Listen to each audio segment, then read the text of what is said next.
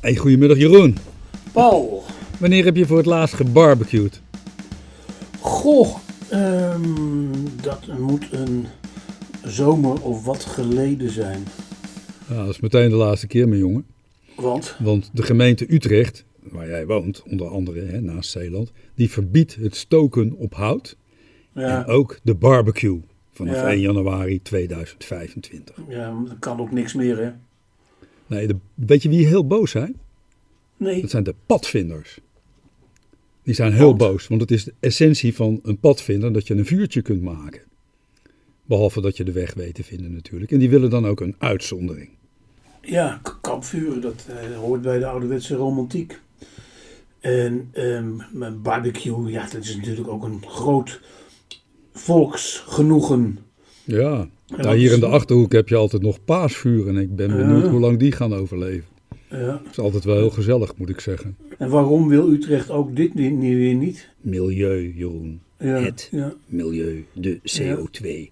Maar dat Ja. doen ze in Kenia beter. Eh, deze week hebben alle, alle Kenianen één dag vrij gekregen om 100 miljoen bomen te gaan planten. Ja. Van de overheid konden ze bij een kwekerij twee bomen of twee boomzaadjes ophalen en dan het land weer gezellig groen maken. Eh, en ik las gisteren iets over een internationale studie van wetenschappers en die pleiten ook voor massale herbebossing.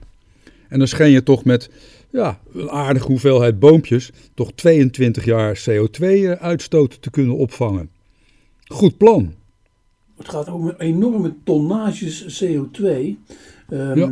Ik hoorde ook van de Wageningse wetenschapper het een en ander eh, op de radio. Ehm, er was een soort tegenwicht tegen ehm, de moeilijkheden van kooldioxide. Maar wel met die kanttekening eh, dat die bossen er wel 20 à 30 jaar over doen om te groeien. Ja, maar laten we beginnen, denk ik. Precies, precies. Eh, goed voor het klimaat. Ben jij trouwens nog gaan demonstreren afgelopen weekend? Nee, Jeroen, nee. nee. Ik doe er het nodige zelf aan. Ja. Zoals? Nou, lekker in de kou zitten, veel bomen planten. Uh-huh. eh, goed zorgen voor eh, de, de ontwatering, hè, dat je lekker alles groen maakt. Weinig vlees eten en ga zo maar door. Weinig autorijden. Alles wat je met de fiets kunt doen, met de fiets doen. Vind ik wel mooi. Ja, wat dat betreft ben ik. eh, wat dat betreft Weinig vliegen, ik- ik vlieg nooit eigenlijk. wat dat betreft, qua fietsen ben ik in Utrecht ook een, eh, een, reuzige, een reusachtige klimaatactivist. Goed zo. En eh, dat is ook het beste. Voor de rest, ja, deed mij denken aan de grote eh anti-neutronenbom-demonstraties, anti-kruisrakettendemonstraties, 40 jaar geleden. Ja, dat was ik wel. Ehm, dat was met die aanzwellende brul, weet je nog? Die Ja. van achteren uit de meute kwam en door die rijen rolde. Dat was fantastisch. Bijna magic. Ehm, ik, ik was ook destijds op het Malieveld bij de kruisraketten. Eh, toen nog met toespraken door de luid uitgefloten Ruud Lubbers. En eh, de toenmalige pacifistische goeroe uh, Mintjan Faber. Ja, die. Dan had je nog een vredesbeweging. Ja, de, de, de, dat is een mooi woord. Beweging. Ja. Ehm, nu ga ik daar niet heen. eh, Maar kijk ik eh, ja, met eh, milde instemming toe. En merk dan, ehm, A, het, de ehm, enorme meute die het was, hoewel de cijfers uiteenlopen. Heel grappig was dat.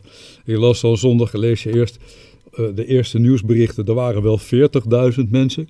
Dan sla je in alle vroegte je Volkskrant open en daar staat er waren wel 60.000 mensen.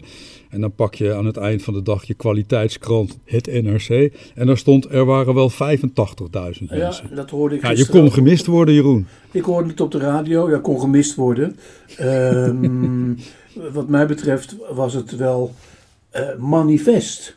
En een wel zo duidelijk signaal eh, over eh, de zorgen van ehm, ehm, de mensen die daar demonstreerden.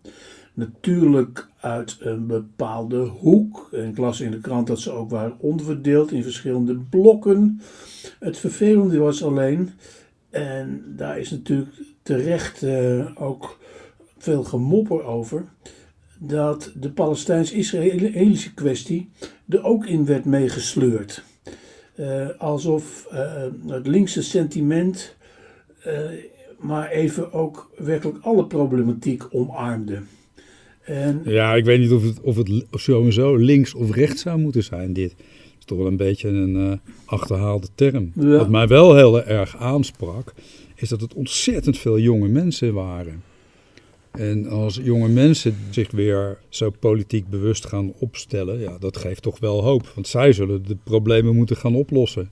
Wij zijn uit de oud voor, Jeroen. Nou, het is hun probleem. Uh, omdat het uh, manifester is dan um, ooit, zeg ik met enige terughoudendheid. Um, Wat bedoel je met manifest? Nou, zo, zo, zo um, heel duidelijk en indringend en uh, waarschuwend. Uh, Extinction Rebellion hebben we uh, natuurlijk al gehad als een duidelijk teken van protest. Die zijn minder actief geworden na de toezegging van verschillende bestuurders en overheden om inderdaad af te bouwen, die fossiele, subsidie aan de fossiele brandstoffen. Um, daarmee hebben ze dus winst geoogst uit die uh, protesten. En dit kwam zo vlak voor de verkiezingen toch ook wel als een heel helder signaal aan uh, de bestuurders hoe groot de bezorgdheid is onder vooral dat jonge publiek.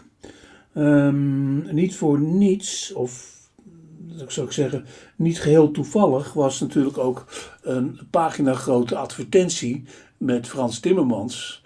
Uh, met een duidelijke boodschap voor het klimaat en een oproep tot solidariteit in zaken het klimaat. Nou, dat was uh, natuurlijk. Uh, Hoe kun je solidair zijn met het klimaat? Dat, dat... Nou, dat vraag ik me inderdaad ook af.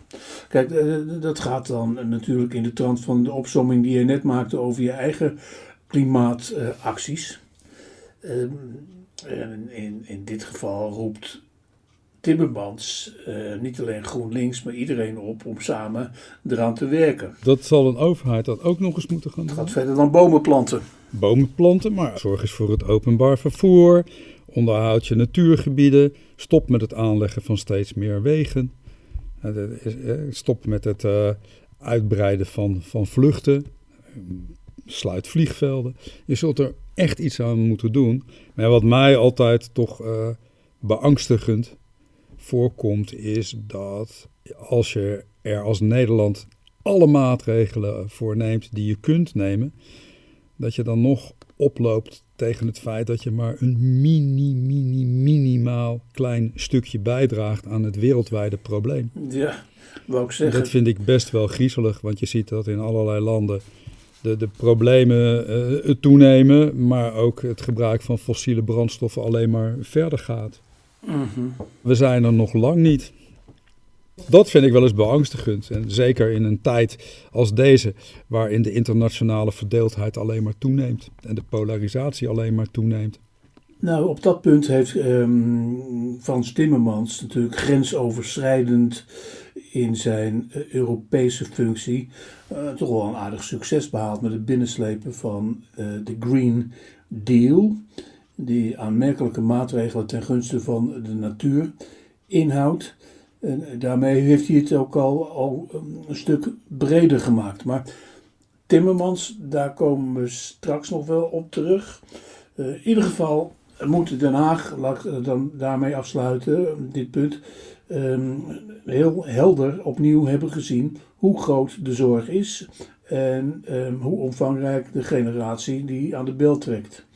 Ja. Over het klimaat nog wel zeggen dat ik het heel erg belangrijk ga vinden dat, dat een overheid dus echt ook regie gaat voeren. En dat betekent dat ook de overheid dingen niet moet gaan doen. En, en misschien meer vanuit de gemeenschap zaken gaan aanpakken, gezamenlijk gaan aanpakken. Er was, laatst speelde hier in de gemeente iets heel bijzonders. Ik woon in de gemeente Berkeland. En daar zijn hele grote zonnevelden aangelegd met eh, zonnepanelen op boerenland. En nou blijkt, door goed speurwerk van het NRC dat die zonnepanelen met mega subsidies zijn aangelegd. die zonnevelden, en dat de lokale de gemeenschap daar nul van profiteert. Er was dan een lokale speler die heeft meegedaan en dat is vervolgens verkocht aan Duitsland, dat is doorverkocht aan Portugal, doorverkocht aan China. En daar wordt dus internationaal geweldig veel geld mee verdiend. Uh, de lokale bewoners die worden opgezadeld met uh, zonnevelden, hè, dus grote delen boerenland waar alleen nog maar zonnepanelen op staan. En een hoge stroomprijs, omdat ze dat terug moeten kopen uit het buitenland. Ja, dat soort bizarrerie, daar kan ik me buitengewoon boos over maken. Ja, dat is iets anders dan uh, voor niks gaat de zon op. Ja, nou ja, kijk, daar begint het. Hè? En de andere kant, je ziet nog steeds langs de snelwegen, daar komen steeds meer van die grote megahallen. Het vraagt steeds meer om vervoer. De wegen verstoppen steeds meer. De files nemen toe. Ja, we zijn nog niet aan het begin van iets oplossen. Nou, eh, je zag vroeger iedereen eh, dapper fietsen, zoals jij. Hè? Zeeland, zelfs de wereldkampioenschappen tegen de wind in fietsen worden daar gehouden. Maar als je bij een school kijkt, bij een gemiddelde school, komt elke achtjarige al op een elektrische fiets naar school. En moet je eens kijken wat er straks met al die accu's gebeurt. Ik ben daar helemaal niet gerust op dat we ook maar aan het begin staan van een echte oplossing. Nou ja, dan noem je dus uh, gewoon zo een aantal punten op voor een volgende regering. Ja. Maar eerst uh, nog even de splijtswam, uh, die ook in Nederland enorme omvang heeft aangenomen. En blijkbaar ook voor een deel de sfeer in de klimaatprotestmars verdeelde. Palestina-Israël. Ehm, we hebben het er al eerder over gesproken. Uh, toen was de schrik en de verontwaardiging enorm. En nu zie je een paar bewegingen, enorme inspanningen van het Westen om hulp te bieden aan Gaza. Want het is hoe dan ook, hoe je het ook bekijkt, een zwaar getroffen gebied. En um, merk ik, hoor ik, dat een aantal organisaties zoals Amnesty International, Oxfam Novib, de Nederlandse staat uh, aanklagen wegens een schending uh, van het oorlogsrecht. Omdat Nederland tegelijkertijd met al die hulpdiplomatie toch ook weer onderdelen van de gevechtsvliegtuigen aan Israël doorgeeft. Heel merkwaardige paradox in de gruwelen. Ja. Merkwaardige, uh, toch dubbelbeweging. Ja, wat mij uh, nogal opvalt is een toenemende polarisatie. Je bent of voor Israël of voor uh, de Palestijnen. En met name denk ik wel eens dat Hamas toch bezig is met een soort publiciteitsoffensief. Waarbij ze toch een publieke opinie aan hun kant gaan krijgen. Terwijl zij ook enorme gruweldaden hebben verricht.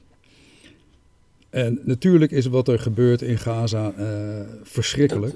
En ik denk dat de internationale gemeenschap er alles aan moet doen om dit zo snel mogelijk te beëindigen. Maar als je dieper in dat conflict duikt, dan is het toch wel een, um, hele uh, lastige kluwe om op te gaan lossen.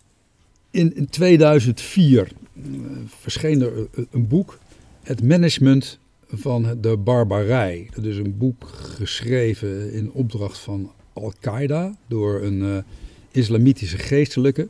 Dat zich eigenlijk heeft ontwikkeld tot een soort handboek voor terroristen.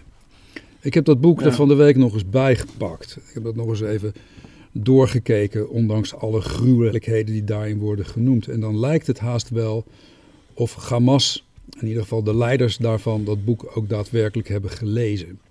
En bijna ja. het scenario volgen wat daarin wordt beschreven.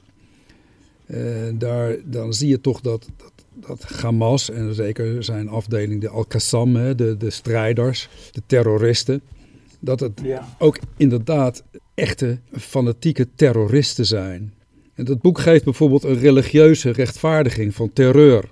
De, de jihad, de, de, de strijd tegen de kruisvaarders, de, de opofferingsgezindheid die je als uh, goede moslim zou moeten kennen. Tenminste, in die, in die opvatting van de moslim. Hè. Er zijn natuurlijk heel veel moslims die daar heel anders over ja. denken.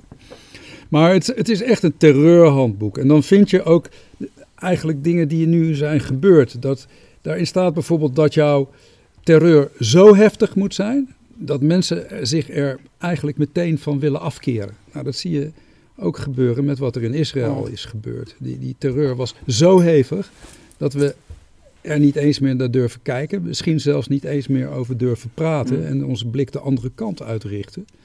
Nou, Wat er op dit moment, overigens eh, net zo erg hoor. Ik wil het absoluut niet, eh, niet op een of andere manier wegpraten.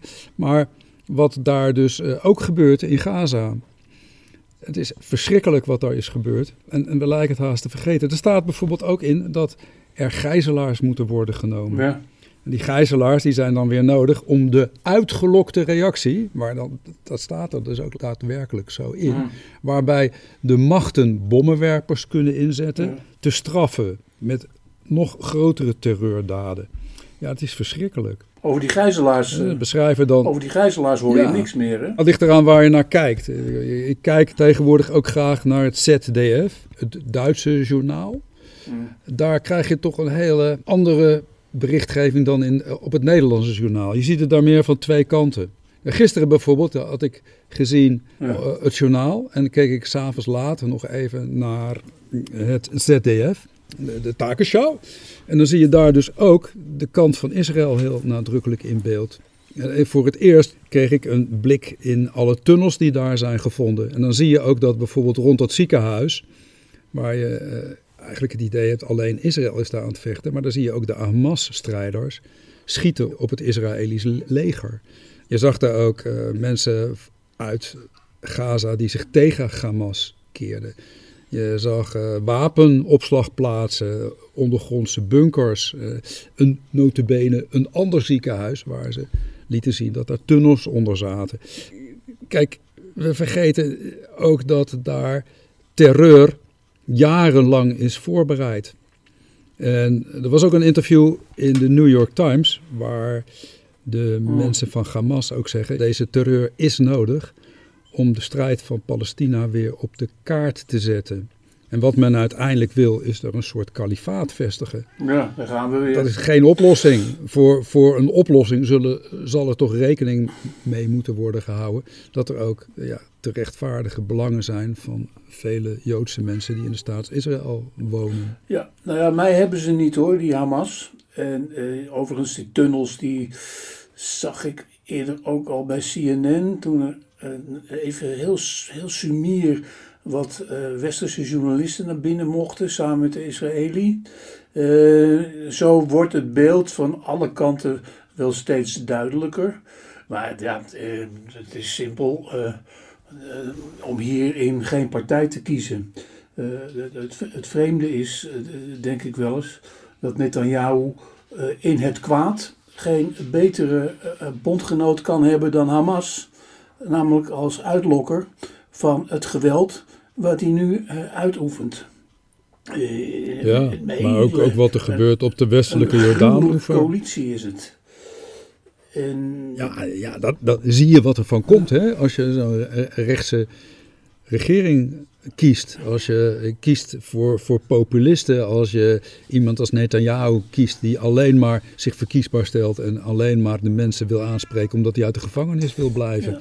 Als je een coalitie aangaat met extreem rechts, met eh, religieuze fundamentalisten, zoals is gebeurd in Israël. En ondanks alle protesten daartegen zie je toch dat nu deze regering ook zijn kansen grijpt.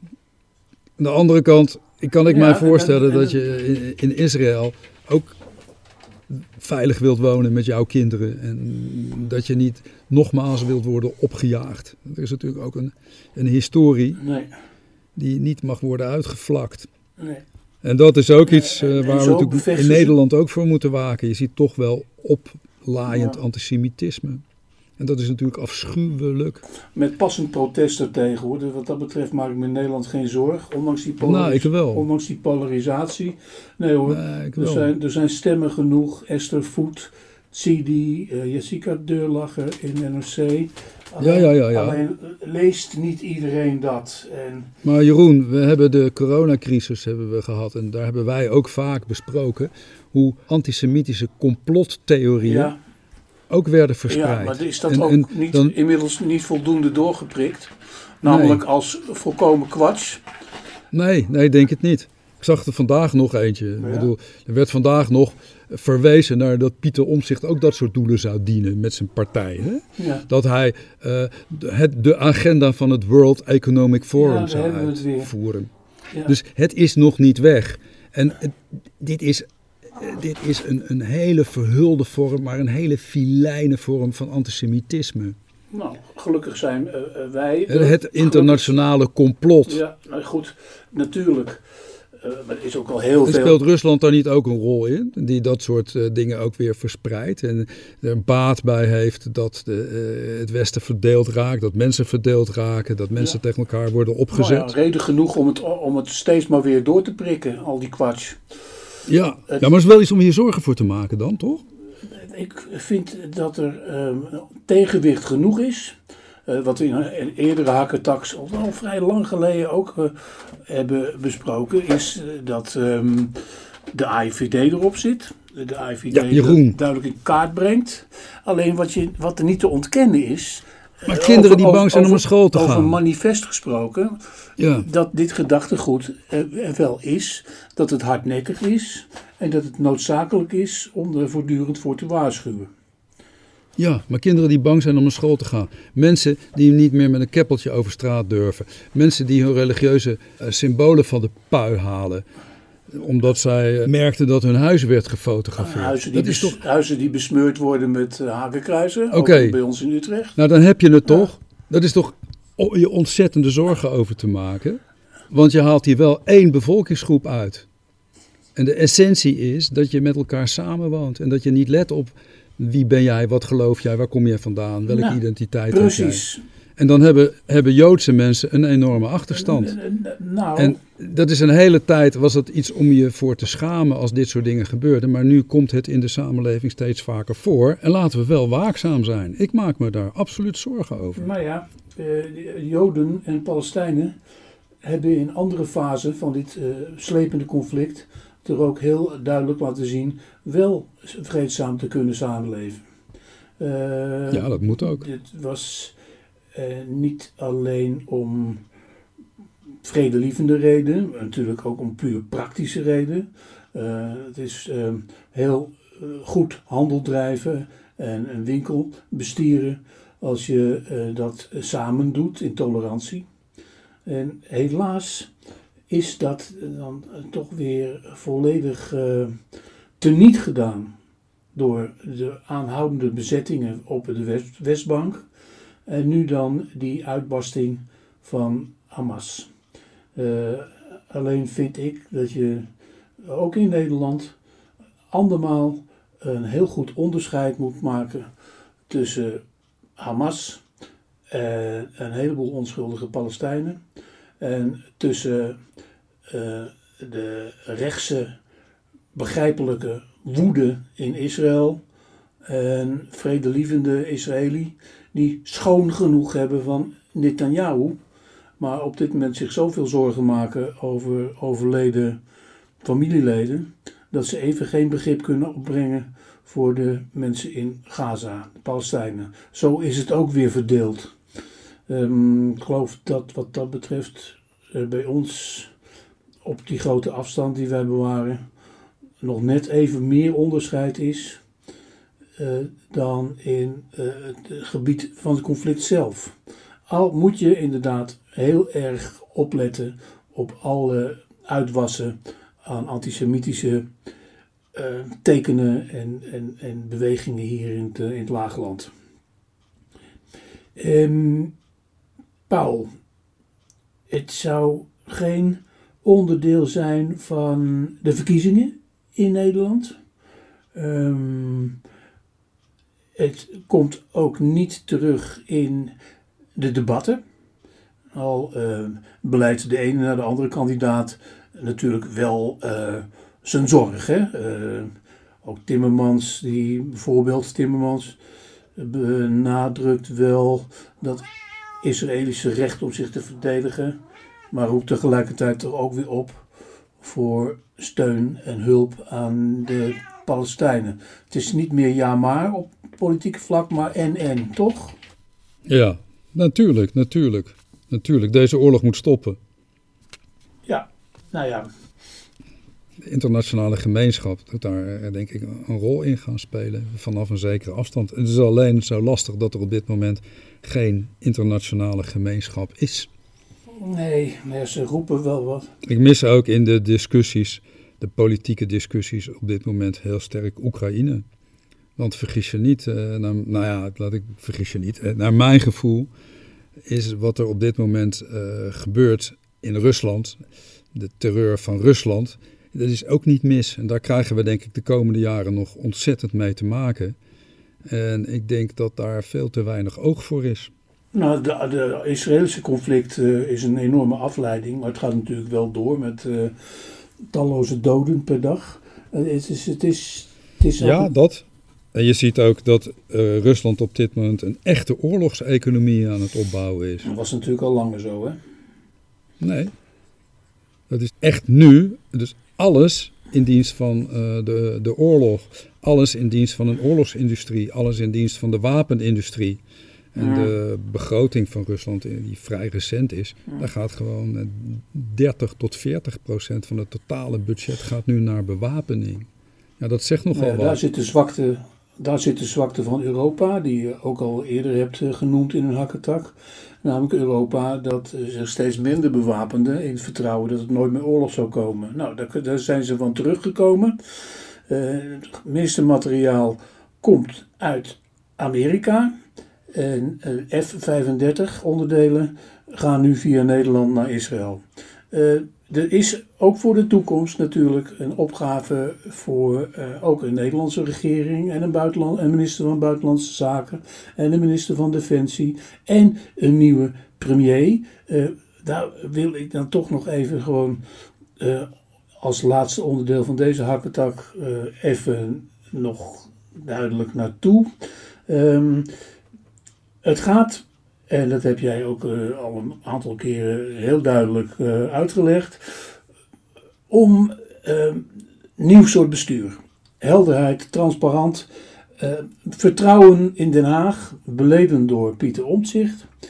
En wat is naar mijn gevoel toch weer aan de hand? Een mannetjesmakerij van je welste. Met Pieter Omtzigt als hype. Ja, ja, ik moet wel een beetje grinniken. Nee. Ik zie het niet terug. Nee, nee. Ik zie het dus niet meer terug. Ik zie het niet meer terug in de discussies. Hè? Uh, je ziet dezelfde journalist die, die uh, riep om we moeten vergezichten hebben. We moeten Nederland weer een plan kijken. We moeten weer een idee hebben. Die zie je nu proberen politieke lijsttrekkers klem te zetten. Uh, die proberen iemand op zijn zwakheden te, te betrappen. Ja, ik vind het niet echt verheffend wat ik op dit moment zie.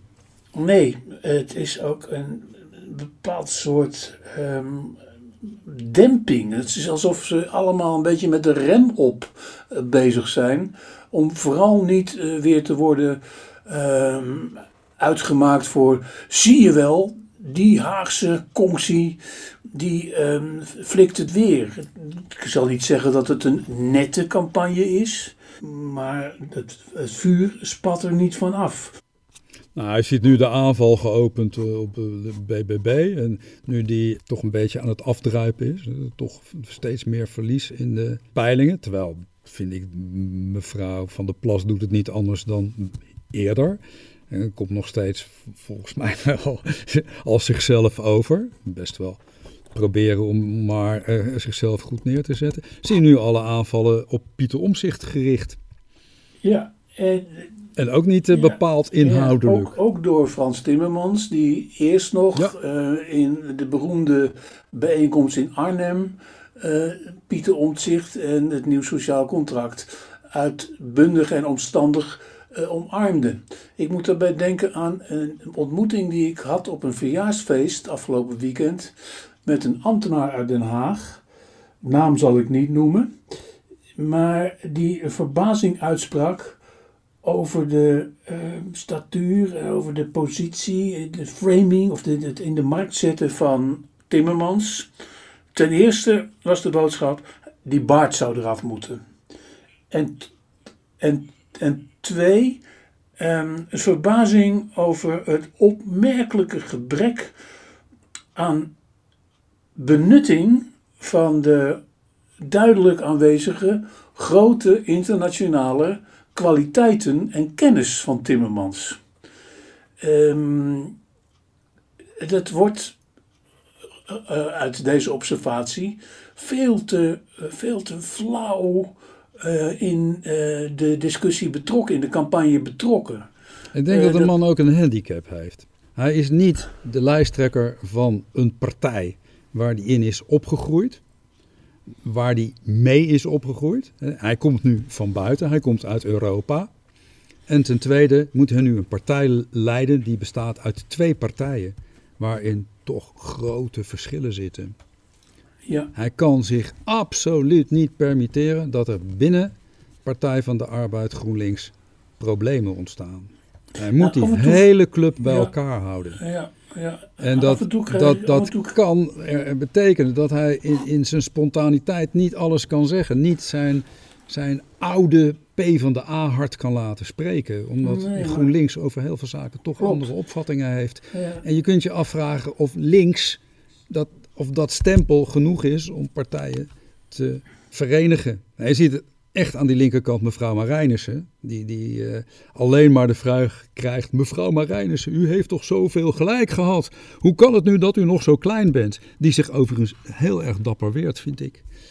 Uh, die, die, en, ook zij krijgt heel weinig ruimte eh, tot nu toe om zaken goed uiteen te zetten, al pakt ze die wel.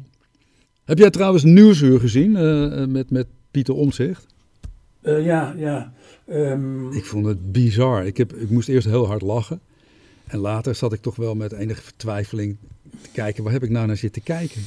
Nou ja, naar, naar... als je hier domweg zag, was uh, het falen van de zogenaamde uh, confronterende interviewtechniek. Uh, ja, maar ook op een gegeven moment dat je dan, als je het niet helemaal besnapt of niet helemaal op eenzelfde lijn zit, dat je dan rare dingen zegt. Ik vond als dieptepunt, ik heb het wel gelezen dat meerdere mensen dit uh, opmerkelijk hadden gevonden. Maar het dieptepunt vond ik toen Omtzigt, nadat het gesproken was over zijn idee om de totale immigratie, hè, dus dat is expats, arbeidsmigranten en inreizigers uit oorlogslanden te verminderen. Dat zij, hij zei van ja, maar jongens, het beslag op de huizen dat wordt ook steeds groter. En we komen nu al bijna 380.000 huizen tekort. Dat zij toen tegen hem zei, maar meneer Omzicht, die mensen wonen toch al ergens? Dit is toch geen probleem? Ziet u mensen op straat slapen? Toen dacht ik, ja, dat is toch wel heel erg gek. En staatsrechtelijk, ja, de fout in op het einde, waarbij het om de rol van de minister-president ging. Waarbij Omzicht natuurlijk die wil naar een, een, een, ja, een nieuwe soort bestuur. Die wil naar een nieuwe bestuurscultuur. De oorspronkelijke rol van de minister-president als primus inter pares wil herstellen. En dan ook zegt, dan is het niet belangrijk wie er minister-president wordt. Ja, dat is het uiteindelijk wel. Want het is natuurlijk wel het gezicht van de regering. Dus het moet wel iemand van statuur zijn. Maar het is natuurlijk in zo'n verkiezingstijd niet primair belangrijk dat omzicht zegt: ja, dat ga ik zelf doen als ik de grootste ben. Het kan inderdaad in het staatsrecht je dus... dat je iemand van buiten kiest. Is in het verleden eerder gebeurd. Of dat je iemand neemt die niet van de grootste partij komt. Dat is meerdere malen gebeurd. De laatste sinds de tachtige jaren is niet meer voorgekomen. Maar daarvoor kwam het geregeld, herhaaldelijk ja. voor. Ja. of dat de grootste partij helemaal niet in de regering is vertegenwoordigd. We hebben toen kabinet Wiegel van Acht gehad. VVD uh, eh, met uh, eh, CDA. Waarbij van Den Uyl buitenspel is gezet. Terwijl hij wel de lijstaanvoerder van de grootste partij was. Ja, dat kan best. Ja, en je spreekt wel met een man die naar nieuwe bestuurlijke modus wil. Dus doe hem dan ook recht, zou ik zeggen. Ja, laten we vooral kijken naar nu. Laten we vooral kijken naar nu. En op dat punt heeft Omtzigt natuurlijk uh, ook al een aantal keren gezegd dat je een dergelijke hervorming uh, niet zomaar in vier jaar voor elkaar krijgt. Dat het zelfs wel tien jaar nee, kan duren. Nee, dan denk ik ook sorry. aan de ambtenaar uit de, dan denk ik ook aan de, dan denk ik ook aan de ambtenaar uit Den Haag. Iemand, iemand, iemand die heel duidelijk dus in, dit, in die uh, koepel werkt. En die zei van ja, veranderingen zijn misschien wel wenselijk, maar de Haagse politiek is ook één nee, enorme machine die je niet zomaar verandert. Nee. Die ambtenaar die, die, die, die kletst uit haar nek. Ja, Zeker, op dit Nou, punt. denk, denk het niet. Nou, ik denk, het- op- laat maar, laat- eh, geef me eventjes de kans. Want daar waar grondwetwijzigingen nodig zijn, heb je sowieso twee kabinetten nodig. Dat duurt een stuk langer. Maar als het gaat om de benoeming van de minister-president, als het gaat om de Kamer meer speelruimte te geven door een minderheidskabinet eh, te maken met elkaar, dan kan je dat morgen doen. Tenminste, volgende week al doen. Na de verkiezing kan je dat meteen doen. Tuurlijk. Eh, dus daar is helemaal geen tijd voor nodig. En daar wil hij mee beginnen. Wat, wat zegt hij, en dat probeerde hij ook uit te leggen, en dat staat ook heel helder beschreven in zijn, eh, zijn boek en zijn verkiezingsprogramma. Als je een minderheidskabinet hebt, dan moet je met wisselende meerderheden gaan regeren. En dat betekent dat het primaat bij de Kamer ligt. Nou, daar kan je, daar kan je dus echt mee beginnen. Dat hoeft geen tijden te duren. En dat, dat is voor hem een belangrijk punt op dit moment. Ja, het, het goed is, het, voor hem goed, althans voor hem goed, was eh, die eh faux pas van Tweebeke in het Nieuwsuur interview. Want eh, andermaal kan hij zich daardoor profileren als een kampioen. Een, een man die zijn zaken kent. Ja, dus dat, precies. dat was dus heel sterk in zijn voordeel. Terwijl blijkbaar de ehm, inzet was om hem toch even wat kritisch te benaderen. En in, in, in dus eh, de, in de campagne heel invoelbare ehm, teneur om het vuur wat nader aan de schenen te leggen. Alleen, en dat lees je ook, eh, ook in onze kwaliteitspers, ehm, glijdt dat allemaal eh, van hem af. Het deert hem niet. En ehm, ja, nu zitten we een week voor de verkiezingen. En dan denk ik toch ook weer even aan die klimaatmars. eh, voor de vraag in hoeverre het volk, maar dan veel groter in aantal, het volk in de, in de stembus tijdens de verkiezingen in alle bureaus laat zien hoe groot de onvrede is en in welke mate die onvrede en die wens tot verandering tot uitdrukking komt in de uitslagencijfers. We moeten hopen op een hoge opkomst. Ja. Maar nog even terug op die discussie die wij net hadden. Maar als de volksvertegenwoordiging, hè, want we kiezen geen regering, we kiezen geen minister-president, we kiezen een volksvertegenwoordiging in alle breedte. Dus als de volksvertegenwoordiging meer ruimte krijgt om de uitvoerende macht aan te sturen en er geen echte duidelijke regeerakkoord ligt waarbij je vier jaar als politieke partij niks meer kunt. Wanneer je bijvoorbeeld met een minderheidskabinet werkt, dan zul je elk compromis moeten uitleggen. En dan zul je als regering misschien in de ene keer moeten samenwerken met een steun van, van links en de andere keer met een steun van rechts, wat dat dan ook nog betekent. Maar dan heb je soms de steun nodig van GroenLinks, Partij van de Arbeid, en soms de, de, de steun nodig van, eh, van, van de ChristenUnie en de BBB. Ja, Maar dan, dan, dan breng je de, de, volgens mij, breng je dan wel de politieke macht meer naar de bevolking toe. Wat ik vind dat er in de democratie op dit moment heel vaak fout gaat, dat veel kiezers zich teleurgesteld voelen omdat hun wensen niet worden uitgevoerd. Maar we leven in dit land in een democratie waar het altijd nodig is om compromissen te sluiten. Alleen het probleem is, die compromissen die worden gesloten door eh, zaken uit te ruilen binnen kamers tijdens de kabinetsformatie. En daar sta je verder als eh, bevolking aan de zijlijn van wat er verder gebeurt. Maar als je al dat soort discussies in de Kamer krijgt, doordat je een minderheidsregering hebt, dan zou dat wel eens bijzonder aantrekkelijk kunnen zijn voor een levendige politiek. En, En dan is heb dan- je een nieuwe bestuurscultuur. Ja, maar is dan, is dan eh, juist omzicht in die Kamer niet veel beter op zijn plaats dan als eh, voorzitter van het kabinet? Ja, zeker.